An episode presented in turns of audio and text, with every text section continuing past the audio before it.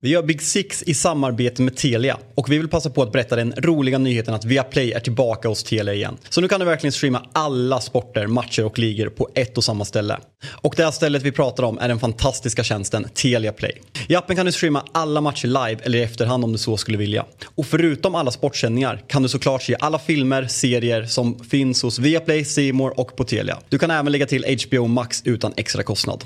Så nu kan du verkligen samla allt innehåll från Viaplay, Simor och Telia på ett ställe. Dessutom ingår alla matcher från Allsvenskan från Discovery+. Priset då? Bara 699 kronor i månaden. Oslagbart. Vi säger ett stort tack till Telia som är med och möjliggör Big Six.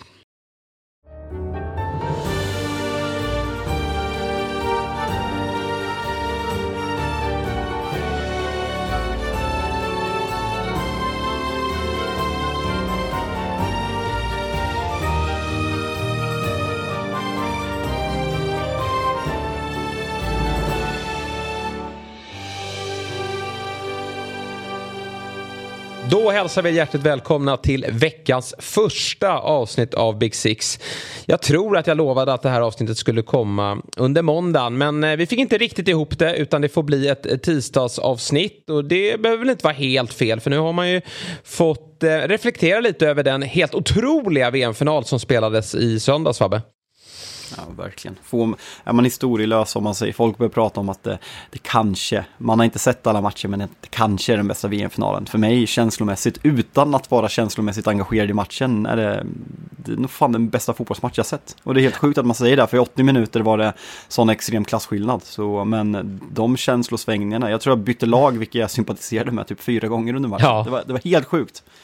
Nej, den, den hade verkligen allt den här fotbollsmatchen och eh, den har ju eh, dissekerats i, i diverse olika eh, forum i andra poddar som vi släpper borta på Dobb. Men jag känner att, ändå att jag vill stanna till vid matchen för det finns ju ändå en Premier League-vinkel att dra från den. Det är ju eh, såklart, alltså det har handlat väldigt mycket om i efterhand såklart. Eh, Messi mot Mbappé, de två stora stjärnorna som var ju eh, men brutala genom hela turneringen men eh, liksom någonstans pikade i själva finalen finalen vilket ju gör den här matchen så häftig.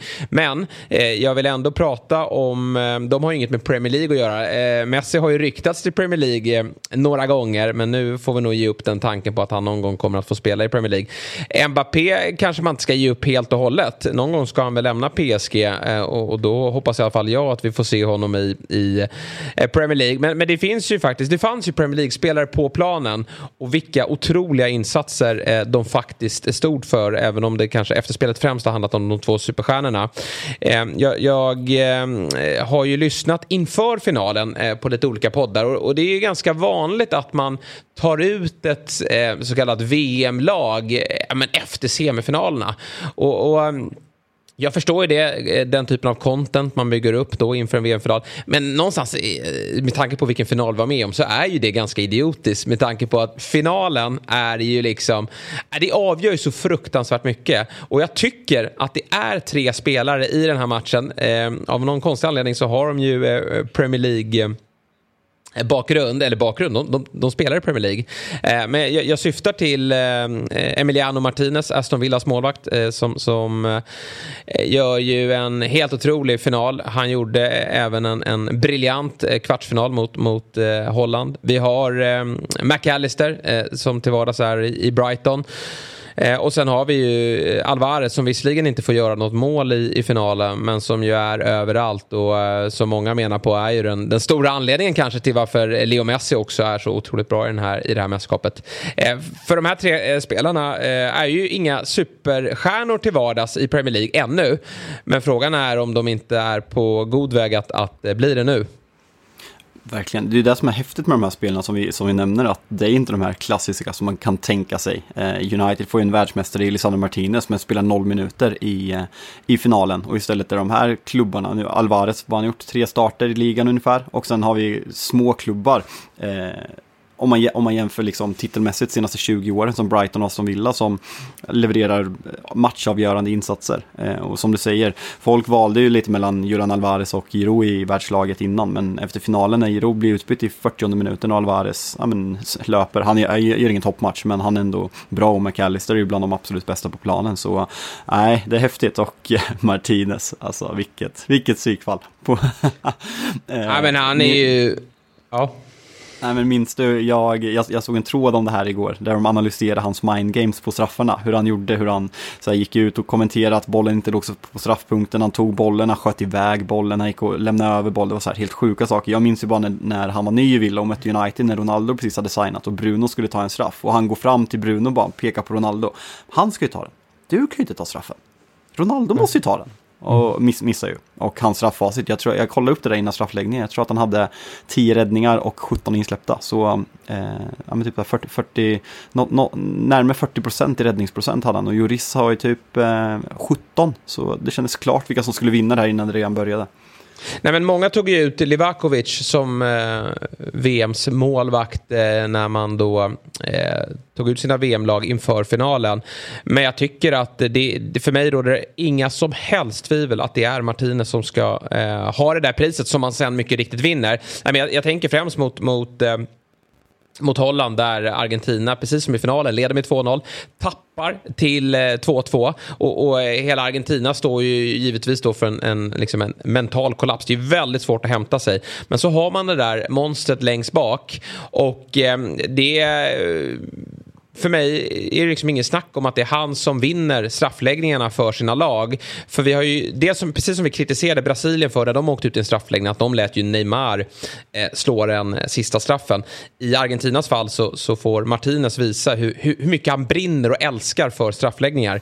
Så att eh, mot Holland så är han ju liksom, ja men helt fenomenal. Och, och med det i bakhuvudet när vi klev in mot förlängning, den hade ju mycket väl kunnat avgöras i förlängning. Det är ju helt galna chanser. Och, och Frankrikes eh, sista läge här, Eh, Eh, det är väl eh, eh Moani, eller heter den? Moani?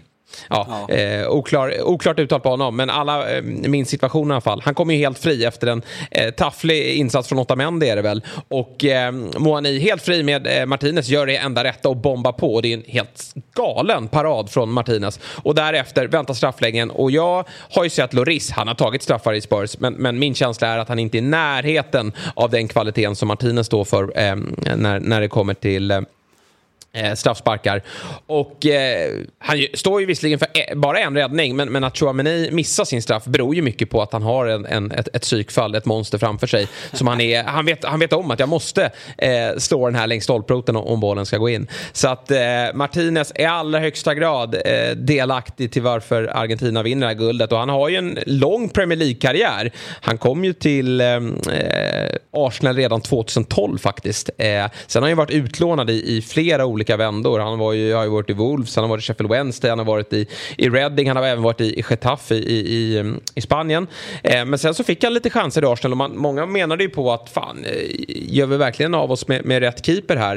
Eh, vi har Bernt Leno men, men eh, eh, känslan är att Martinez är minst lika bra. Han vill ju ha speltid såklart så han går till Aston Villa och, och det blir ju fullträff direkt den här säsongen med, med Jack Grealish där, där Aston Villa verkligen börjar hota lagen uppåt så, så, är ju han en, en av de stora stjärnorna. Sen har ju han liksom hela Villa haft det lite tuffare. Jag ska inte säga att, det har varit en, att, att han har varit dålig, men det, han, är inte, han var inte lika självklar som han var det där första året i, i Aston Villa. Eh, men men eh, nu då eh, så har ju ändå diskussionen inför VM varit att Argentina har äntligen en riktigt, riktigt bra målvakt. Eh, och ehm, eh, det, det visar sig sen under hela mästerskapet att han, att han är briljant. Så att, eh, jäkligt kul med Martinez. Nu får vi se då om Aston Villa Villa som klubb kan svara upp för hans förväntningar och ambitioner. Vi har ju, eh, eh, ja, men, de har ju en ny tränare på plats, äntligen en, en, en topptränare får man ju ändå säga i Unai Emery. Eh, och så får vi se om, om Aston Villa kan ta kliv under våren. För att gör de inte det, då, då är nästan liksom, känslan att eh, Martinez med, med det här VMet bakom sig att han eh, söker sig till större uppdrag agenten gick ut och pratade igår om att han, eh, han är tillräckligt bra för Champions League och har som målsättning att gå en Champions League-klubb och eh, Fotbollskanalen kablar direkt ut eh, eh, rubriken. Robin Olsens stora chans. Men nej, ja. även om Emil Martinez lämnar Aston Villa, Robin Olsen kommer aldrig bli första målvakt i eh, Aston Villa. Jag beklagar. Men man, det, är som, ja. det är som det säger med Villa, när, när man kollar på laget så vi pratade om, det, det är ett klasslag på egentligen varje position och nu har man den här målvaktsposten som man egentligen visste men man har fått ännu mer bekräftat. Man får in Unai Emery och Joao Felix börjar ryktas och det, det finns ju verkligen förutsättningar för att det här laget på riktigt ska börja utmana om de, kanske inte topp fyra, men strax där bakom. Eh, kollar man på förutsättningarna i år så tycker jag på pappret att man är ett bättre lag än vad Newcastle och det är bara att kolla vad Newcastle gör utan att spendera så jävla mycket. Så möjligheter finns ju. Så det blir kul att följa Aston Villa vart man går för man har ju uppenbarligen en jävla tränarrekrytering som är på plats som man nästan har glömt bort under VM. Mm, Ja, men verkligen. Nu har han fått jobba lite med laget. Även om han har haft eh, en del VM-spelare så känns det som att eh, eh, det var ett bra tillfälle att ta in Emery. Han fick en bra start, men, men också att han nu får, fått jobba med gruppen. Eh, vi, vi, kommer ju prata upp eh, omstarten av ligan i, i vårt nästa avsnitt i slutet eh, mot veckan. Eh, men det blir ju häftigt ändå, för Robin Olsen, han kommer ju att få spela nästa match. Eh, Martinez är ju och, och firar guldet i, nere i Argentina just nu. Och då blir det Robin Olsen som får stå såklart mot Liverpool Liverpool på måndag 18.30. Det är en jäkla eh, häftig match för honom. Han fick ju den här matchen mot Manchester City i, i sista omgången i fjol när City till slut säkrade titeln. Och nu får han då Liverpool och, och där är det såklart upp till bevis för honom att eh, ja, men, ja, han verkar ju ganska nöjd med att vara Andres slips och han, han vet nog också med sig att han aldrig kommer att peta Martinez. Eh, men kanske då om det, du, du slår ner på det helt men, men en bra början då om han ska göra anspråk på den där platsen det är väl att, att eh, spika igen här mot ett Liverpool som, som ska försöka eh, gasa här nu och klättra i ligan. Eh, McAllister pratar... Ja, fortsätt. Jag måste bara säga med Robin Olsen, han, måste ju, han kan ju börja med att försöka släppa, sänka sitt målsnitt på Anfield. Han sitter väl 3,8 mål per match insläppta i Aston Villa om man drar ut det på 90 minuter. Så en förbättring hoppas vi i alla fall på.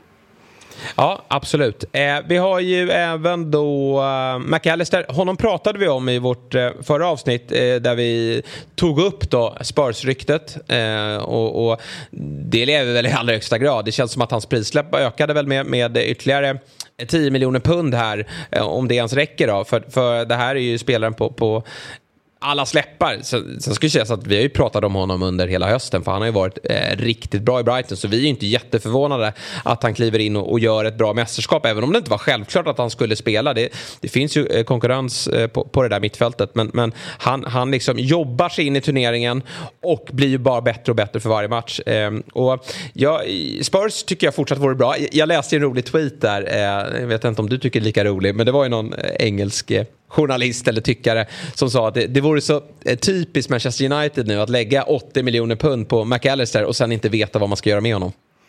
Ja, det är, det är, bara, det är bara att skriva under. Alltså jag, jag, eh, jag har följt det här laget sen, eh, sen Ferguson slutade och det, det här har ju hänt så extremt många gånger. Sen är, sen är han ju en, en luddig spelare på det här sättet. Det, det, är svårt att veta i vilket lag han skulle passa och i vilken position han skulle passa bäst. För Argentina spelar ju så säreget med väldigt inventerade in, alltså så här, alla in, innermittfältare. Nu fick man in Di Maria som slickar linjen den här matchen, men annars spelade, det var vi inne på i förra avsnittet, att man spelar med fyra centrala mittfältare. Så vilken position skulle han ha om han gick till en toppklubb? Det är fortfarande lite svårt att se. Sen, alltså kvaliteten, han har gjort, jätte, vad han gjort? Jag tror han har gjort sex mål i år i Premier League, vilket är fantastiskt. Så han har ju ökat på mål, målskörden något oerhört sedan tidigare.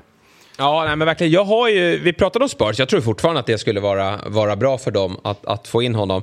Men vet du vad jag, när jag satt och funderade kring, eh, kring honom och vad jag tror att han skulle passa bra in det är ju i, i Liverpool som Jordan Hendersons ersättare. Jag ja. tycker ju, nej men så här, under Klopp också, alltså, det känns som att den, det, det ledarskapet passar honom perfekt. Eh, alltså, eh, McAllister, han, jag håller med om att han är luddig, men, men det han har är ju arbetskapaciteten. Han är ju eh, bra i, i både offensivt och defensivt pressspel. Alltså, han, han sliter extremt hårt och kommer upp på, på motståndarna snabbt. Och sen är han ju även bra i, i, i sitt djupledsspel eh, och har ett bra skott. Jag tycker att det vore en, en Ja, men en, en, nu är han ju dyr. Alltså, han har ju seglat upp i pris och vi vet att Liverpool är lite försiktiga. I synnerhet då när, när fokus är inställt på att plocka hem Jude Bellingham. Men, men eh, jag eh, tror definitivt att han skulle kunna ersätta Jordan Henderson på ett, eh, eh ja, men på, på ett jäkla bra sätt. Men det är där som är Liverpool, man trodde ju på något sätt att när Gini Wijnaldum gick och Thiago kom in att det skulle vara den perfekta komplementen, att de skulle kunna, kunna spela med, med, med, de där tre. Men man ser verkligen att Gini Wijnaldum och Hendersons energi, Henderson har gått ner lite i energi med, med att han har kommit upp i åren. Och där har du en energispelare som saknas. Trent blottas ju för att Henderson inte täcker upp på samma sätt. Så jag, eh, fan jag gillar den. Eh, Eller hur, den är, inte så, den är inte så dum. Nej, verkligen. Får man igång eh, Fabinho kan spela med, med Thiago där, kanske få in Bellingham och sen McAllister, klart, klart att det är stökigt. Jag sa ju förra veckan om, om City kan ställa upp med eh, Rodri, eh, Bellingham och eh, KDB så skulle jag skjuta mig i huvudet. Det här är ju snudd på samma sak. Ja, nu klev ju, ja, nu klev ju McAllister av här i, i den 116 minuten. Så han, eh, det visar ju på vilka bra straffskyttar Argentina ändå har. Ehm, men, men eh, han, han har ju slagit straffarna för Brighton. Eh, men, men han fick inte ens chansen att slå en straff här eftersom han plockade av honom tidigare. Då. Men en ehm, otroligt imponerande turnering. Han tar faktiskt plats. Om, om jag skulle, nu har jag inte tagit ut en drömlag. Men, och det har varit många bra centrala mittfältare. Men som den ehm, Premier League League-fantast man är så finns det plats för McAllister. Och som nia då, om man spelar 4-3-3 i ett VM-lag så tycker jag att Julian Al äh, eh, Alvarez, äh, Alvarez äh, ska finnas med här. Jag, han gör ingen mål, men han jobbar så oerhört hårt och han gjorde ju mål under turneringen. Och, och det ska bli jätte jättespännande att se honom nu i Manchester City och vilken roll han får hos Pep. För vi alla vet ju att eh, ja, är ju, han är ju redan uppe bland en av de faktiskt bästa niorna just nu vi, vi har i, i världsfotbollen i sättet han spelar. Och, och, det är också lite kritik mot att vi kanske har en liten brist på det. Men, men vi vet ju att den kanske absolut bästa är ju framför honom i, i form av eh, Haaland. Då. Men jag tror att Pep, alltså det han funderar nu och, och någonting vi har sett i, i några matcher ändå, det är att få in båda två. Det blir ju liksom Peps utmaning.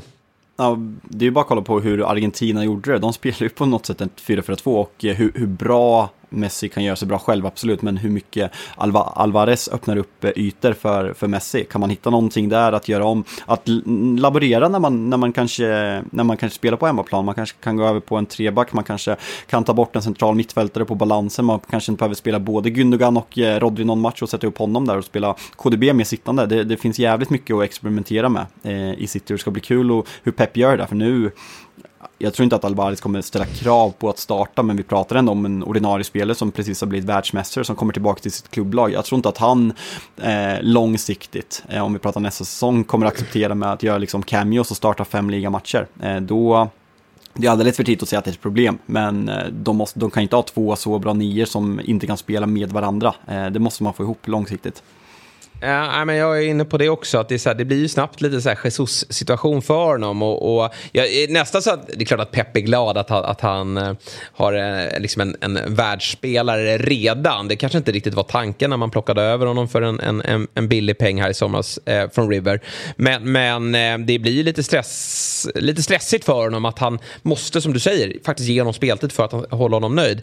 Eh, men jag är lite inne på att, eh, liksom, har inte det här potential att bli lite, lite av en Sterling fast en målskytt. Eh, Sterling eh, hade ju, eh, sprang konstant runt med, med pjäxor och, och, och, missade många målchanser. I synnerhet när han var i form, När, när, när, han var i form då, då kunde han tajma de där löpningarna och, och faktiskt göra en del mål. Men, men en Raheem Sterling som mot slutet eh, började fundera allt mer när han kom till avslutslägen. Han var ju eh, mer en, en, en börda än en tillgång. Men, men jag tycker att Julian Alvarez, han, han kan ju faktiskt utgå från en kant. Han jobbar så pass hårt, precis som Jesus gjorde, vilket ju, eh, vilket ju Pep uppskattade. Eh, jag, jag, tror faktiskt att eh, det går att, att, att, jobba med honom och lösa det på så sätt att han kan utgå från en kant.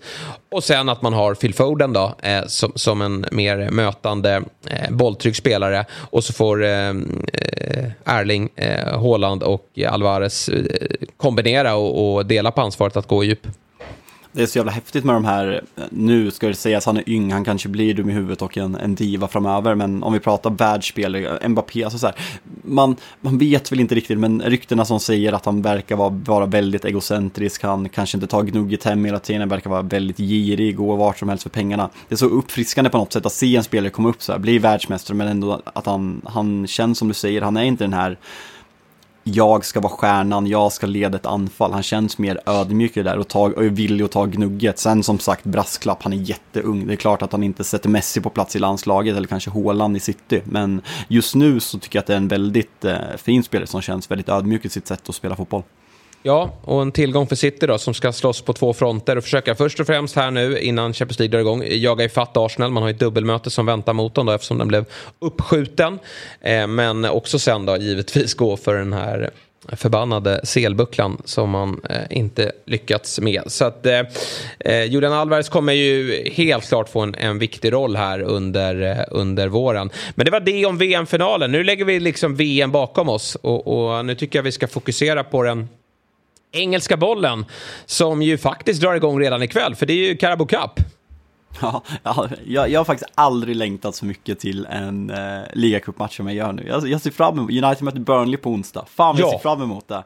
Det är helt sjukt. Och och vilken match det blir. Jag, jag eh, sprang in i Martin Åslund här eh, borta hos Dobb och han var ju svintaggad på just den matchen som han eh, ska göra då borta hos Viaplay. Eh, ja, men det är varför den är så häftig. Den här matchen hade man ju kanske inte Eh, om, om det hade varit i fjol då, under eh, Sean Dyches ledning hade man eh, kanske ratat som, som du, du ser ju allt såklart, men, men som neutral kanske det är ingen match man, man skyndar sig till soffan för att se.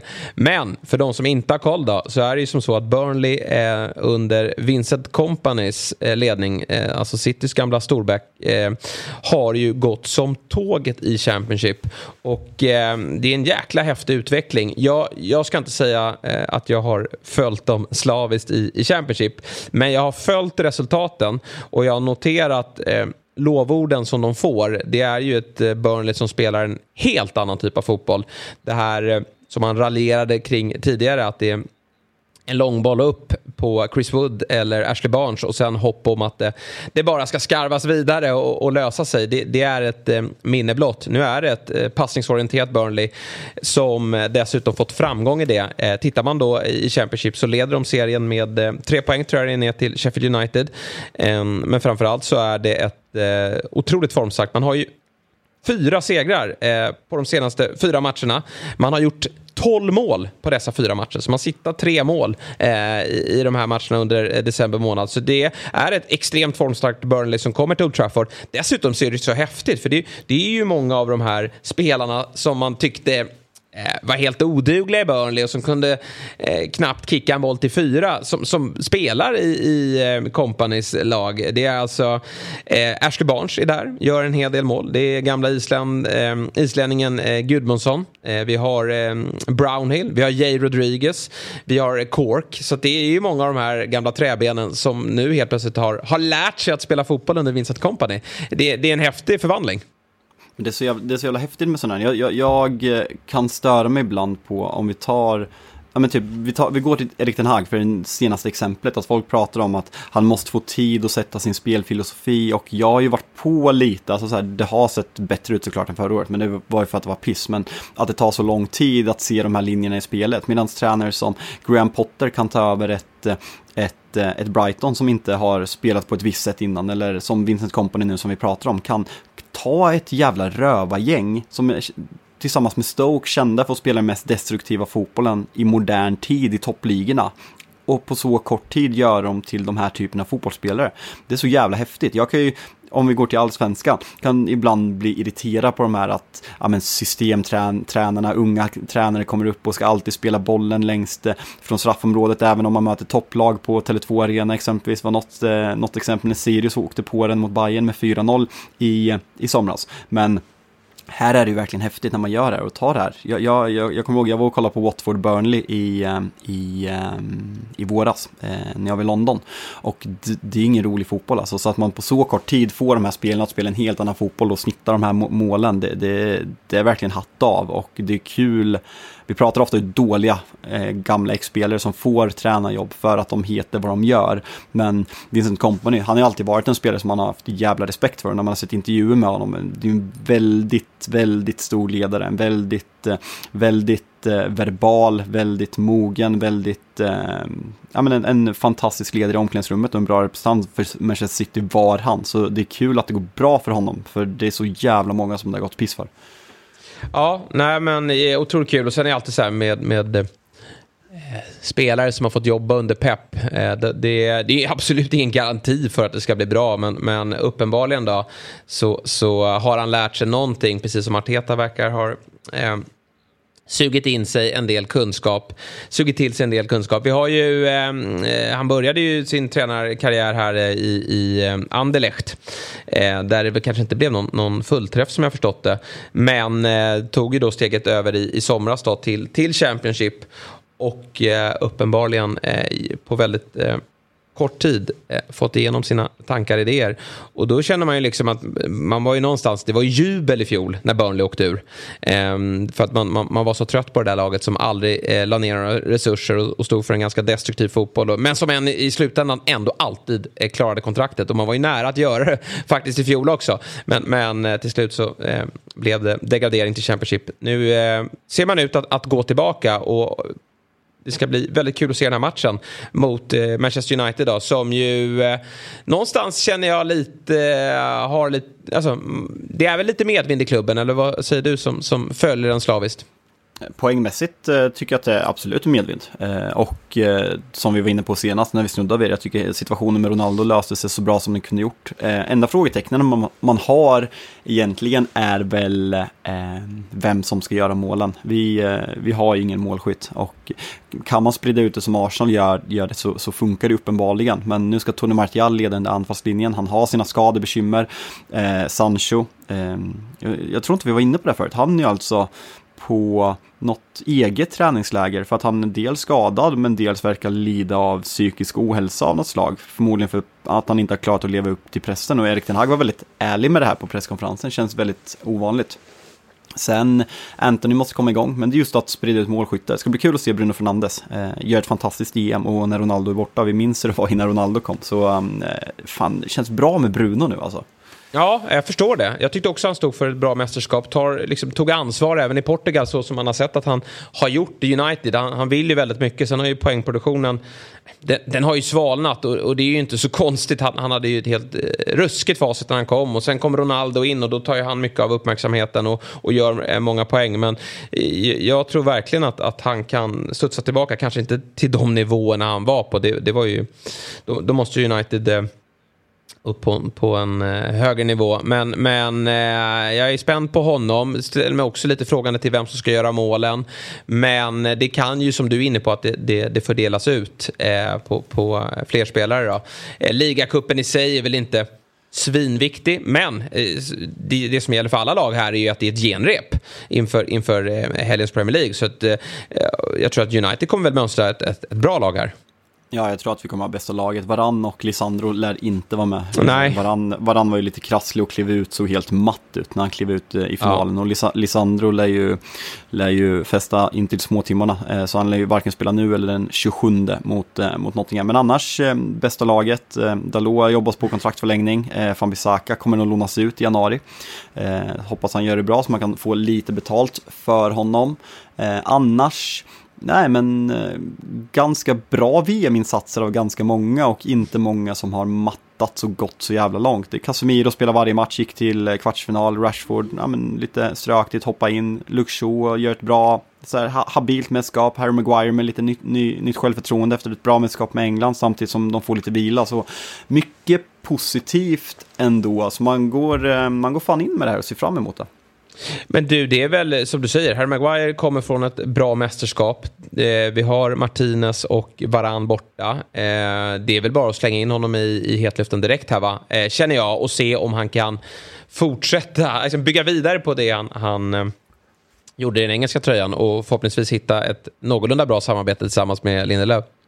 Ja, nej, man, man, vet ju. Nu, nu när han är uppe på toppen efter det här mästerskapet kommer haverera imorgon mot, eh, mot Burnley så, så är man tillbaka där. Eh, nej, men det är mycket möjligt att de kommer få, får se om varann hinner komma tillbaka till, eh, till den 27. Lisandro är väldigt, väldigt tveksamt. Men eh, så det är upp till Maguire nu. Sen får vi se vem som går först också av Viggo och mm. Maguire. Känslan är att det är Maguire efter, efter ett bra VM. Sen har ju Rashford en, en ett perfekt mästerskap eh, ur en alltså United-supporters eh, synvinkel eh, på så sätt att han han, han slås ju inte riktigt in i elvan. Det är ju stenhård konkurrens där. Men, men, när han väl spelar gör han det ju riktigt bra. Eh, kommer väl upp i tre mål med bud på mer. Så han kommer tillbaka med, fylld av självförtroende. Men eh, ändå inte sliten. Och, och eh, han blir väl tillsammans med Bruno den viktigaste spelaren offensivt sett. Ja, det skulle jag absolut säga. Annars är det ju, det har ju varit ett helt sjukt händelserikt eh, ehm, eh, mästerskap för United vid sidan av. Eh, det var väl bara, alltså vi pratade och, och gjorde en lite special med Liverpool med att FSG ville, ville sälja. Eh, det var inte alls långt efter vi slutade spela in och tog uppehåll som det kavlades ut via The Athletic att eh, Glazers eh, är väldigt öppna och eh, har börjat träffa banker för att sälja klubben. Så det är väldigt positivt. Man har även avslutat kontraktet med Teamviewer som är tröjsponsor i förtid för att förhoppningsvis kunna sälja det till en dyrare tröjsponsor till nästa år. Så det, det är mycket som händer i klubben som ändå känns väldigt bra. Men du, jag tänker på det, om det pågår eh, diskussioner kring försäljning, sätter det klubben lite på hold här nu när det kommer till nyförvärv i januari? Eller skulle det ändå inte ske någonting? Tror att, eh, ja, rak fråga, tror du United kommer handla i januari? Oh, oh, ja, jag säger att vi inte kommer göra det. Jag, eh, det var jag läste, Anne Mitten skrev en, en, en lång text om det här och han sa att United, det är lite problem, man, man har ju pengar, man överbudgeterade, eller man övervärvade i somras, man hade inte budgeterat för Anthony men man ville backa Erik den Hag så man överspenderade ungefär med en miljard eh, sett till budget. Ronaldos lönepost försvinner så där finns det ju ett pengautrymme, men man vill inte gå på en nödlösning som eh, exempelvis Igalo var när man tog honom på lån Eh, från, från Kina. Eh, ett alternativ skulle vara Memphis Depay eh, som är tillgänglig, hans kontrakt går ut i sommar och Barcelona, han spelar inte där eh, som en nödlösning och sen kanske sälja vidare när man kliver på en riktig nia i sommar. Det är ett alternativ. Folk pratar om Gakpo men Gakpo är ingen han, det är också en sån här luddig position. Ska han spela till vänster forward, ska han spela lite släpande. Han var inte lika bra när han spelade nia tillsammans med Depay i, i Holland. Så att värva honom nu och sen ska han helt plötsligt konkurrera med Bruno, Rashford, Sancho och Anthony. Det känns, det känns ganska dumt. Det känns som att vi valde Anthony där och får stå vårt kast.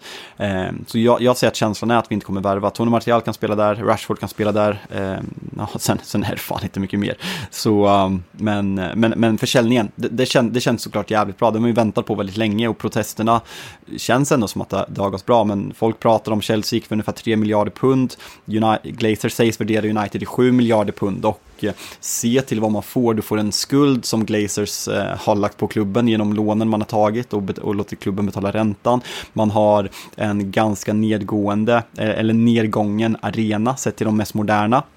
Man har en träningsanläggning som inte är topp i landet. Om man jämför med exempelvis Liverpool som också är up for sale så har man eh, rustat Anfield, man har byggt ut eh, Anfield Road, man har eh, uppdaterat Melwood och klubben är i ett bättre skick och har mer framgångar de senaste åren. Så på ett kommersiellt plan känns det absolut mer attraktivt att köpa Liverpool just nu för att de har så mycket saker färdigt medan United verkligen är, spenderar du pengarna då kommer det bli bra för att man har varumärket men det är en lång väg dit och det är mycket investeringar både i trupp och i faciliteter som behöver göras, vilket ger ett frågetecken vem som kan köpa klubben.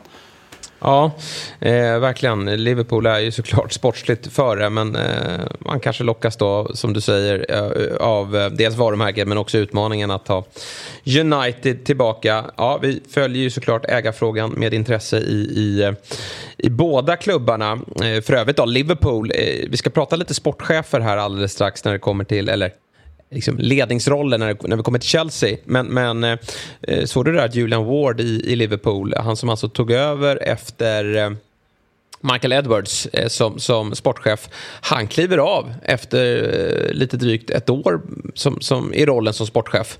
Lite märkligt. Ja, det är jättespeciellt och man undrar ju vad som har, vad som har hänt där. Eh, Michael Edwards pratar ju alla om vilken enorm succé det var och det är både ryktats i Chelsea och United. Eh, så man undrar ju, kommer han komma tillbaka? Vad, vad är det som sker där och vad är det som har skett? Är det missnöje från honom? Är det missnöje från, från ledningen, från Klopp för att värvningarna inte har gått i hamn? Det, det är mycket frågetecken. Mm, det är verkligen så. Eh, och när vi ändå har diskussionen uppe, vi ska prata mer om det strax, då, då vill jag ändå slå ett slag för eh, vad som sker borta på eh, dobb.tv. Där sätter nämligen eh, jag mig ner tillsammans med Christian Borell, som många nog känner igen från Eurotalk, och går igenom lite nuläget, eh, hur det ser ut eh, bland sportchefer i Premier League.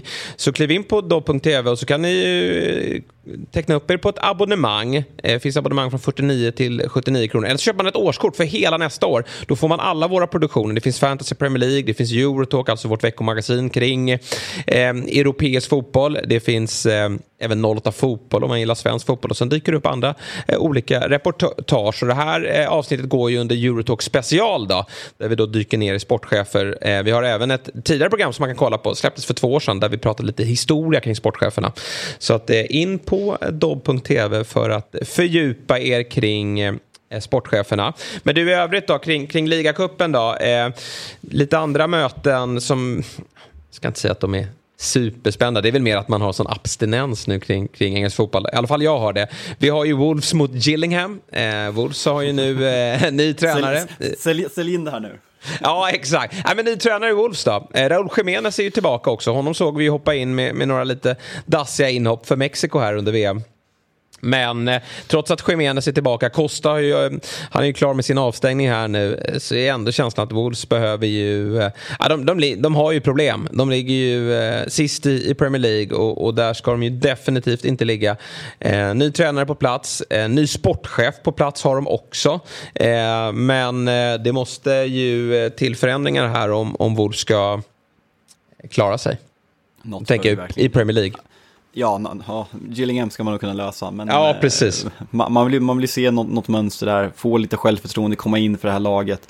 Det är ju det är många jättebra mm. spelare. Det här, det, det, Wolves på hemmaplan minns ju sedan tidigare år, de har stört varenda lag och kan föra matchbilder, alltså i, i perioder till och med mot Manchester City. Så de, de ska absolut inte ligga där. Leicester har ju kommit igång och det är väl dags för Wolves nu också, för det finns bra mycket sämre lag än vad de är. Annars idag vid Newcastle Bournemouth Premier League-möte, ska bli kul att se. Mm. Vet du vad jag säger här? Ja, ja, men Newcastle går för titeln. Mm, ja, ja. Eller hur? Frågan är, frå, de har ju möjlighet absolut för att de andra lagen har så tajt scheman med Europa och sådana saker. Sen är ju frågan Newcastle i slutändan. Har man bredden för att konkurrera om, om man hamnar att man behöver slå, välja en tuff Premier League-match där man slåss om topp fyra. Så tror jag att man kommer prioritera det. Och man har ju inte riktigt den bredden. Det är väl det som är lite problemet. Skadebekymmer. Saint Maximan fortfarande tveksam. Alexander Isak, bakslag. Fan, man vill se Isak nu. Ja, vad deppigt alltså. Eddie Howe ute på presskonferens här att det, det närmar sig men han är absolut inte klar för den här matchen. Och, och är det är en stökig lårskada han åkt på här. Och, Ja, det är ju äh, alltså, glädjande att Newcastle går bra, men, men också lite jobbigt för eh, Isak på så sätt att eh, de går så bra utan honom. Eh, så det där är... Nej, det är inte eh, någon, någon optimal sits för honom. Och jag hade verkligen förhoppningar på är att han skulle vara tillbaka i, i, i omstarten. Men det är klart att topp fyra, det, det är där pengarna finns, eh, att, att gå till Champions League. Men jag tycker att det vore pikt om de kunde göra en liten Leicester-satsning här och gå för en kupptitel. Eh, för det är inte så ofta den här typen av klubbar, eh, de kommer säkert i och för sig att få lyfta pokaler vad det lider här. Ge, det, ge det fem år ska ja, så, så lyfter de varenda jävla pokal. Men, men eh, någon, någon eh, fjäder i hatten skulle det ändå vara här om man man gick Eh, och plockade en, en, eh, en, eh, ligatitel. Men, men det kommer ju säkert vara bra lag där också. Alla som är pigga och fräscha kommer ju få speltid. Bournemouth kanske lite av samma anledning då som du är inne på med Newcastle. Att man inte gasar allt för hårt i, i, i ligacupen eftersom det är prio att, att säkra Premier League-spel där. Men genrep så att jag förväntar mig ett bra lag. Annars har vi ju Southampton med ny tränare Nathan Jones. Också fått jobba med laget. Möter Lincoln City. Det är väl perfekt att, att städa av dem här Eh, inför omstarten. Annars så, så har vi det stora mötet, eh, förutom United Burnley eh, Liverpool City såklart, på torsdag. Men eh, vi tänker så här att vi pratar upp det den matchen i vårt nästa avsnitt. För vi kommer släppa ett avsnitt under torsdagen och då, då tar vi det. Men vi har ju redan nu faktiskt ändå ett speltips i den här matchen. Ja, det stämmer. För vi gör ju det här programmet tillsammans med våra vänner på ATG. Och det är så jävla skönt att engelska fotbollen är igång igen så att man kan fortsätta lägga spel. Och vi börjar med en toppmatch. Eh, City-Liverpool på Etihad Stadium på torsdag i ligacupen. Och och eh, City ställer, kommer ställa upp med ett bra lag, det kommer båda lagen göra. Men eh, jag tror att eh, City vinner den här matchen. Man vill gå för den här titeln, man har en historia av att vinna enormt mycket ligacuper för att man har den bästa bredden i Premier League. Jag tror även att vi kommer att få se en extremt revanschsugen Kevin Bröne efter den lilla, lilla VM-floppen som även jag får erkänna. Manchester City att vinna och Kevin De Bruyne att göra mål erbjuder ATG sex gånger pengarna på. Och eh, glöm inte att ni måste vara minst 18 år fyllda för att få spela och upplever ni problem med ett spelande så finns ju stödlinjen.se till hands. Eh, men vi kommer som sagt att prata mer kring eh, den här matchen i torsdagens avsnitt. Men eh, såklart det finns ju möjlighet att rygga spelet redan nu då borta på dob.one big six. Nu tänkte jag att vi kan prata lite Eh, om övriga Big Six-lag. Vi har eh, redan nämnt eh, Manchester United, men eh, det är ju intressanta eh, tider eh, och det har ju varit olika bra höster för lagen. Och ett lag som har haft det kämpigt, men som jag ändå tror någonstans kommer att ta kliv nu när man har fått jobba ihop. Eh, det är ju Chelsea eh, som jag tycker att vi kan börja med lite status kring den klubben. Eh, Tuchel fick ju dojan under hösten. Graham Potter kom in och eh, han fick eh, definitivt ingen Eh, rivstart på sin Chelsea-karriär. Men nu bör det väl, ja det kan väl inte bli sämre i alla fall eh, för Chelsea utan nu, nu måste nog vandringen uppåt ske. Men det som sticker ut här i Chelsea Eh, det är ju att eh, den sportsliga organisationen börjar faktiskt falla eh, på plats.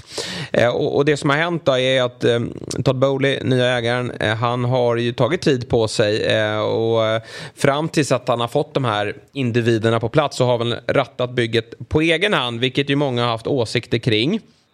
Men nu börjar den organisationen ändå liksom ser ganska stark ut. Jag tror att Chelsea på sikt kommer att bli eh, att räkna med.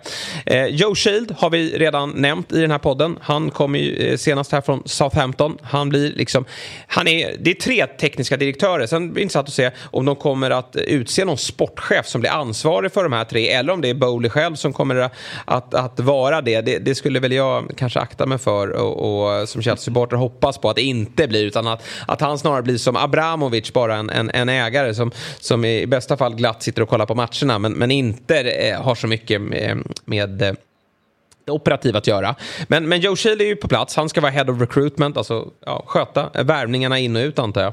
Eh, sen då så har ju Graham Potter eh, fått ta med sig en scoutchef. Det gillar man ju att han har fått liksom eh, peka ut en gubbe. Och det häftiga här då i, i Kyle McCauley det är ju att han eh, blir scoutchef och han har ju följt med ända sedan Östersundstiden. Han var ju alltså med i Östersund, han var med i, i Swansea, han var med i Brighton och nu får han alltså eh, äran att jobba för Chelsea. Eh, härlig resa även för honom. Vi har ju även Björn där, ASS-tränaren. Eh, Hamberg heter han väl, som, som eh, följt med hela vägen också. Eh, det är fint att eh, Potter får ta med dessa gubbar. Sen är han svag för. Och sen blir det ju eh, kanske ännu mer när de har varit i lilla Östersund i eh, resan från, eh, från division 1, att de har tagit sig hela vägen till Chelsea och nu ska vara scoutchef för Chelsea. Det är, det är klart att det är häftigt och eh, vi har ju kritiserat Chelsea och kanske varit ganska hårda mot dem för att det känns på många sätt att Todd Bowl inte har vetat vad han gör. Men nu när, när vi sitter här ett halvår in så börjar jag ändå få en enorm respekt för det här. Du, du nämnde innan att eh, Abramovic också gjorde lite samma sak. Han lät folk som kan det göra. det. Manchester City gjorde samma sak, tog in branschens bästa folk från Barcelona och kolla vart hela, hela de är nu med Etihad Campus med scouting, rekrytering med ungdomsverksamhet medan andra klubbar, då sitter då sitter businessman som inte har något med fotboll och, och tar ta beslut och värva miljardspelare. Så det känns ju som att det är helt rätt väg att gå, även om det kanske har varit ett stökigt halvår tills vi har kommit hit. Ja, han har haft lite otur här, eh, Bowley, för att liksom, de, de, har ju inte fått ut max av eh, eh, sitt lag. För det är liksom, laget som är där är ju bra, så de, de har ju underpresterat. Eh, så det, det, då blir det ju ett, ett annat stresspåslag när, när liksom sportorganisationen finns inte där och så underpresterar laget. Då, då börjar ju många skrika. Eh, men, men eh, saker och ting måste ju få ta tid också. Sen eh, kommer det vad det verkar även anställas en tredje eh, individ här nu då, och det har ju varit en, en följetong under hela hästen. Men det är alltså Leipzig tidigare ja, sportchef eller teknisk direktör. Det är lite oklart, eh, men det är Christopher Vivell. Vad är vad? Vad ja, vad är vad? Precis, det vet man ju inte, riktigt. Nej, man fattar inte riktigt det där. Eh, men, men han ska ju eh, förmodligen komma in här nu. Eh, han sa ju upp sig från Leipzig Eh, eller fick sparken, det är också eh, lite oklart, eh, här i oktober månad. Och man är inte särskilt förvånad att det blev så, för det har ju pratats om Chelsea kring honom länge. Vi vet att eh, Nkoko, som nu är Here We Go från eh, Romano, men det, det ryktet har ju funnits med där sen, hela vägen sedan typ augusti-september. Vi har ju även Guardiol, mm. den eh, kroatiska mittbacken som gjorde ett riktigt bra VM. Han ska ju också vara klar och det, det är klart att det, det, ser inte jättesnyggt ut när Vivell då, som, som är eh, liksom värvad som, som teknisk direktör här eh, tar med sig två gubbar. Så det är kanske inte så konstigt att han fått dojan. Men det har ju tagit tid. Eh, men, men, och, och, jag vet inte hur många gånger jag har läst rubriken att nu ska han presenteras. Men, men det sägs vara väldigt nära. Och, och Vivell eh, har jag läst på mig kring. Han har ju jobbat sig upp i, i två organisationer. Först i Hoffenheim tillsammans med Nagelsmann. Hoffenheim gjorde en jäkla cool resa eh, början på 10-talet när man... Eh, ja, men det är ju det är en, det är en liten tysk stad eh, som den klubben kommer ifrån. Men man, man slog sig upp i, i, i, i, Bundesliga och han jobbade sig upp från till att vara liksom någon form av eh, ja, men, videogubbe till att bli till slut sportchef i klubben och, och ta alla steg som scout och så vidare. Var han med under eh, Ragniks tid eller, eller efter? Har du koll på det? Ah, jag tror att han var med under Ragniks tid. Mm. Eh, inte helt säker, men jag tror att han var det.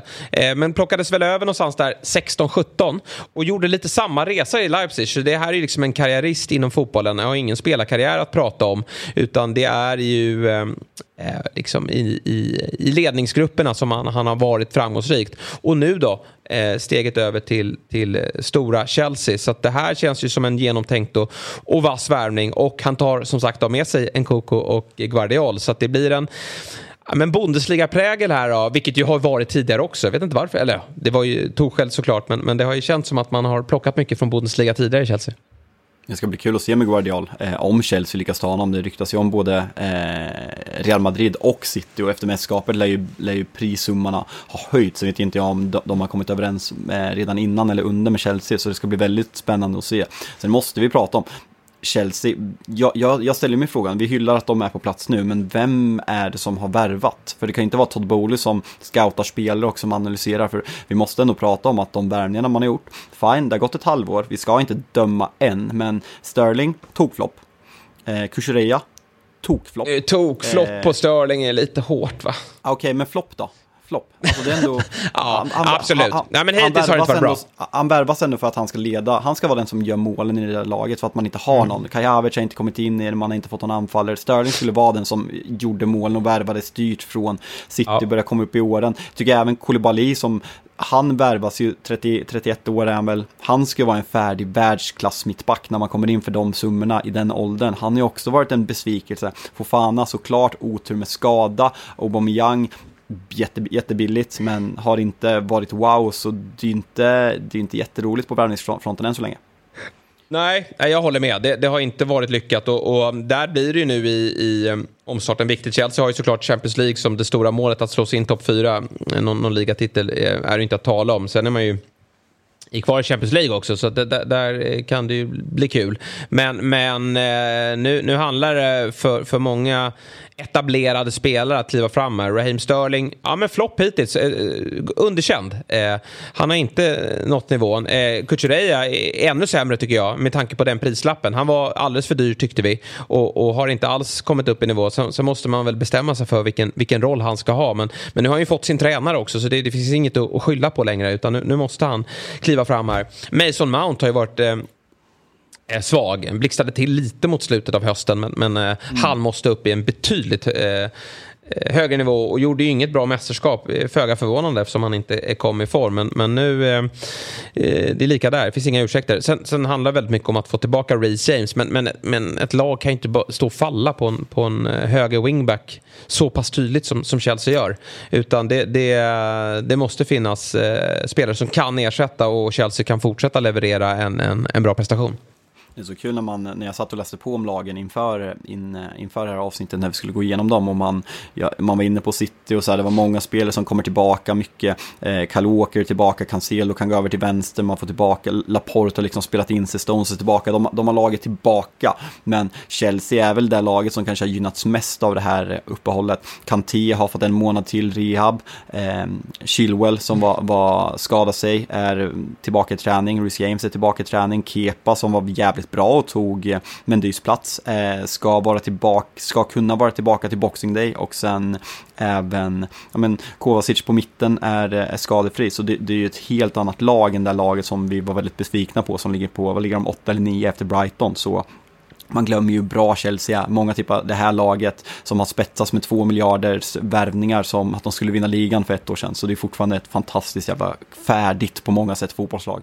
Mm, men ändå sägs det då att man jagar spelare och det blir jag inte förvånad över. Du var osäker till, kring om United kommer göra det, men jag, jag tror att Chelsea kommer att spendera. Broja gick ju sönder här i någon eh, jäkla träningsmatch i eh, arabvärlden. Eh, onödigt och, och, plågsamt att se när han eh, skrek ut sin eh, smärta där. Och eh, det är ju den här förbannade nummer nio positionen som ingen lyckas med. Nkoko är ju ingen nia men han kommer ju först i, i sommar.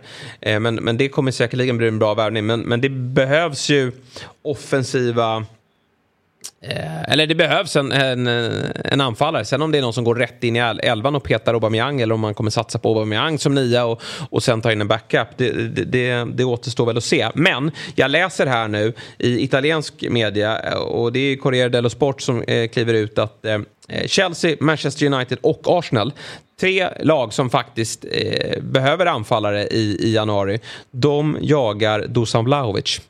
Eh, och det är väl eh, någonstans inte särskilt, särskilt förvånande. Han har ju varit kall i, i Juventus sedan han tog steget över för snart ett år sedan. Gjorde ju stor succé i Fiorentina. Men har inte alls fått att stämma i Juventus.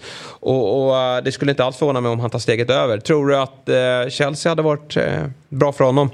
Jag tror att både United och Chelsea hade varit helt perfekt, både för eh, klubben och för, eh, och för spe, eh, spelaren i fråga. Juventus spelar en sån icke-fotboll så det är helt omöjligt att leverera som nia då du är så extremt isolerad i det där laget. Sen, alltså jag tror inte att det kommer ske, det var så jävla mycket pengar Nej. involverat och det är, så, det är så tätt inpå. Juventus är på något sätt på väg tillbaka, det har sett bättre ut, man får tillbaka Pogba, man har fått tillbaka Di Maria, så det kommer se bättre ut. Men jag tror att det skulle vara en succé, succévärvning för båda. Arsenal borde inte gå på en sån stor, stor spelare för där har man Gabriel Jesus som är i bra ålder. Han är bara borta 25, 25 februari såg jag nu att man har som mål att han ska, ska vara tillbaka i spel. Så att dra in en sån värvning för att skicka Jesus på bänken igen, då han är tillbaka i City-situationen. Så Arsenal borde inte gå på en sån spelare som direkt konkurrerar med honom, men United och eh, Chelsea behöver ju verkligen en sån här spelartyp och en nia som man har. Ja men United, när, när hade vi en bra nia senast? Eh, kom, Ru, Rooney typ. Eh, kanske, mm. nej, fan, ja, Rooney, van Persie. Tio ja. år sedan. Jag, jag, kanske, jag kanske glömmer någon, jag kanske är helt dum i huvudet och förtränger någon nu. Och eh, Chelsea, ja Diego Costa har ju någon säsong, annars är Drogba. Eh, så det är verkligen ett problem för alla de där lagen, eh, eller mm. båda de klubbarna. Så det hade varit eh, fenomenalt. Ja, eh, får se om Blaovic dyker upp, men det, det, är väl kanske lite för stor prislapp för att det ska eh, ske något i, i, januari. Men ja, Chelsea behöver en bra start här. De möter Bournemouth i helgen. Eh, mer om det eh, framåt torsdag.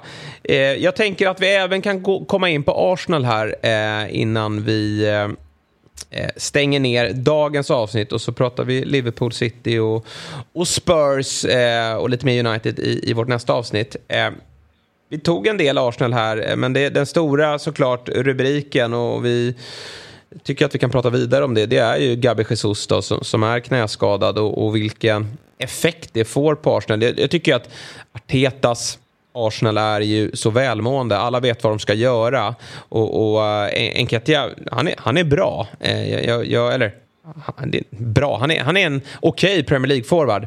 Men jag tycker ju att i den situationen Arsenal ändå befinner sig, i det läge man har skapat sig med, vi vet att eh, City kommer att gå väldigt hårt för Champions League. De går på sina minor eh, här och där i, i eh, Premier League.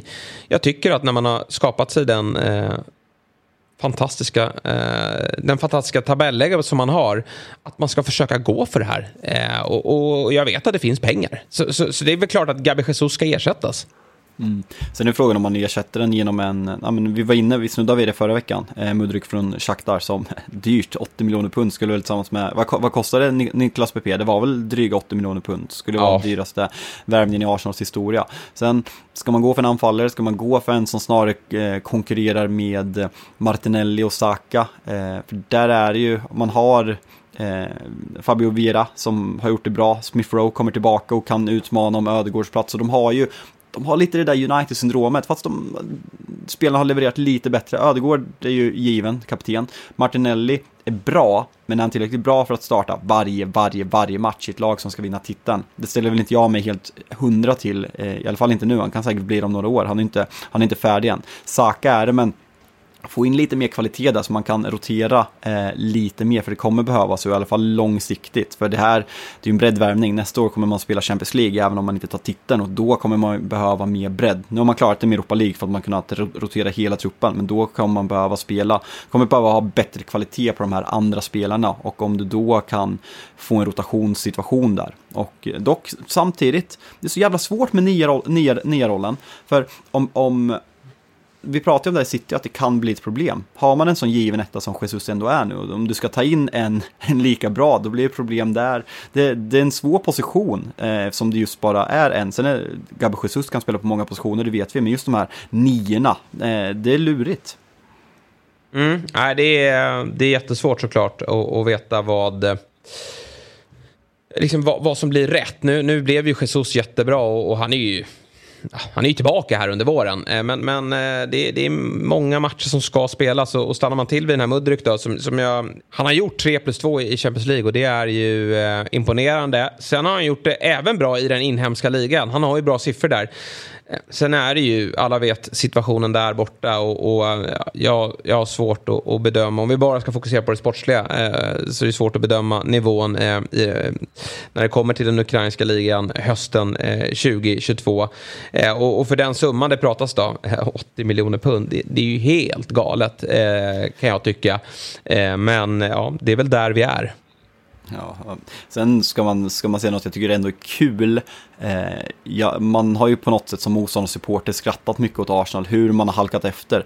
Rent sportsligt så har de ju vunnit mer än United senaste, senaste åtta åren, men det har ju varit tydligt hur långt efter hierarkin man är när det gäller att värva spelare. Man har inte kunnat värva de stora spelarna och där har både United, Liverpool, även Tottenham senaste åren gått före att kunna attrahera stora namn. Men här har vi en av de mest omsnackade spelarna, eh, som inte spelar VM i alla fall, som, eh, att Arsenal verkar vara huvudspåret och att han verkar vara, vara väldigt intresserad av Arsenal. Så det är väldigt kul på ett ja, Premier League point of view och om jag ska eh, vara neutral för Arsenals skull, vilket, vilket jag inte alltid är, ska, ska jag vara väldigt tydlig med. Eh, så det är kul att man kan attrahera de här spelarna. Det säger ju vad Arteta har gjort och att spelare snackar och tror på det här projektet, vilket syns på tabellen också.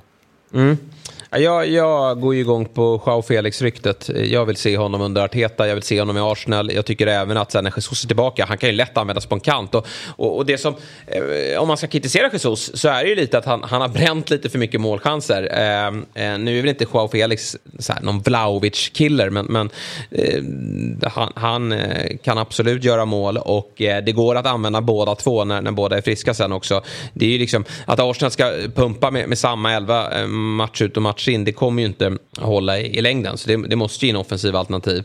Men Joao Felix tycker jag vore svinläckert. Och då såklart, jag har ju bättre koll på honom än, än Mudryk. Han kanske är eh, en, en, en blivande superstar. Men eh, får jag välja där så tycker jag att Joao Felix, i och med att han, han kan användas som en nia redan här och nu, det vore den mest kittlande värvningen. Sen vet jag inte trovärdigheten i, i, i, i ryktena, som, som, men det är ändå Marca som kliver ut och, och säger det. Och jag, jag, kan tänka mig att även, det är ju som alltid när det blir de här superstjärnorna till salu, när, till salu, när de finns tillgängliga, ja, men då, då eh, samlas ju alla Premier League-klubbar runt omkring. Så precis som att United och Chelsea är intresserade av Blaovic så är säkert de också intresserade av, av eh, Joao Felix om, om den övergången är, är möjlig.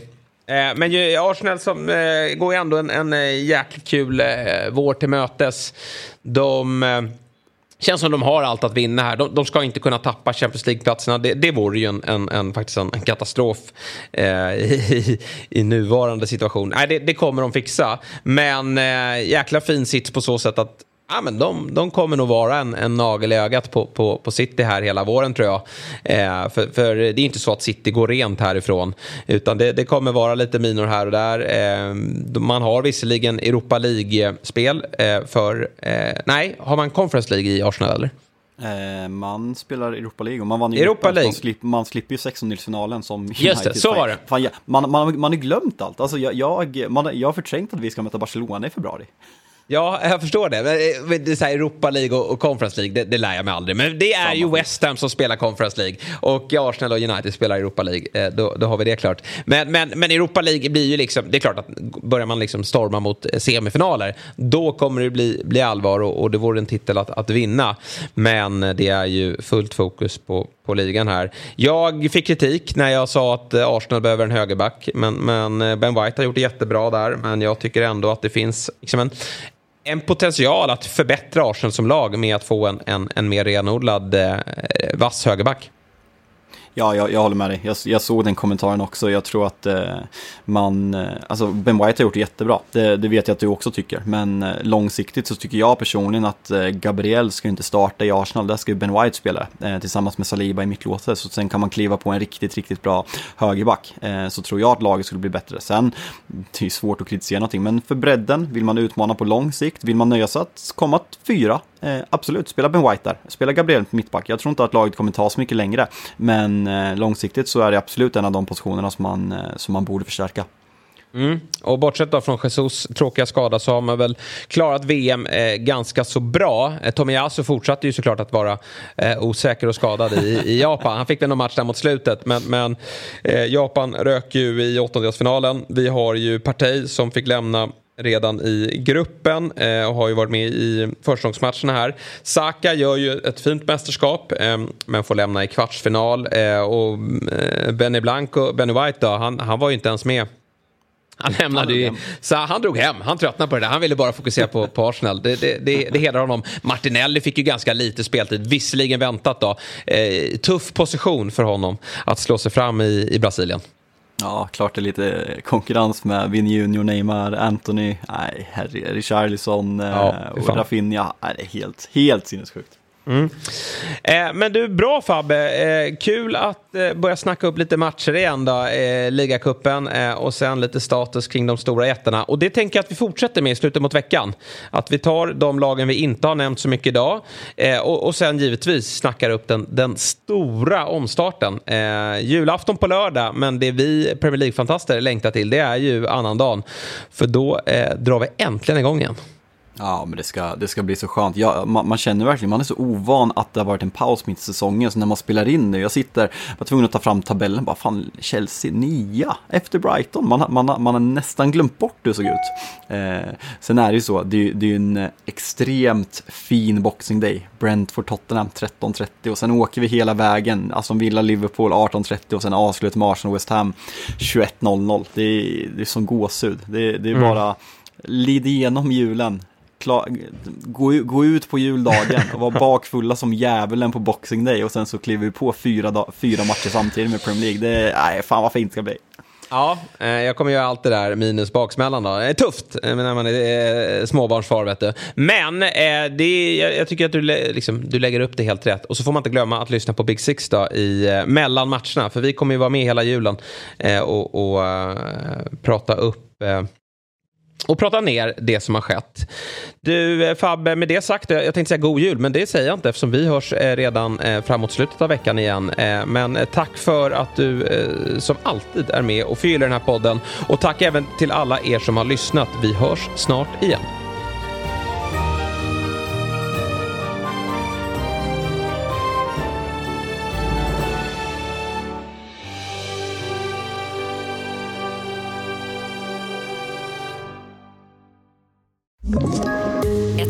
Poddtips från Podplay. I podden Något Kaiko garanterar östgötarna Brutti och jag, Davva, dig en stor dos skratt. Där följer jag pladask för köttätandet igen. Man är lite som en jävla vampyr. Man har fått lite blodsmak och då måste man ha mer. Udda spaningar, fängslande anekdoter och en och annan arg rant. Jag måste ha mitt kaffe på morgonen för annars är jag ingen trevlig människa. Då är du ingen trevlig människa, punkt. Något Kaiko, hör du på Podplay. Därför är gardinerna.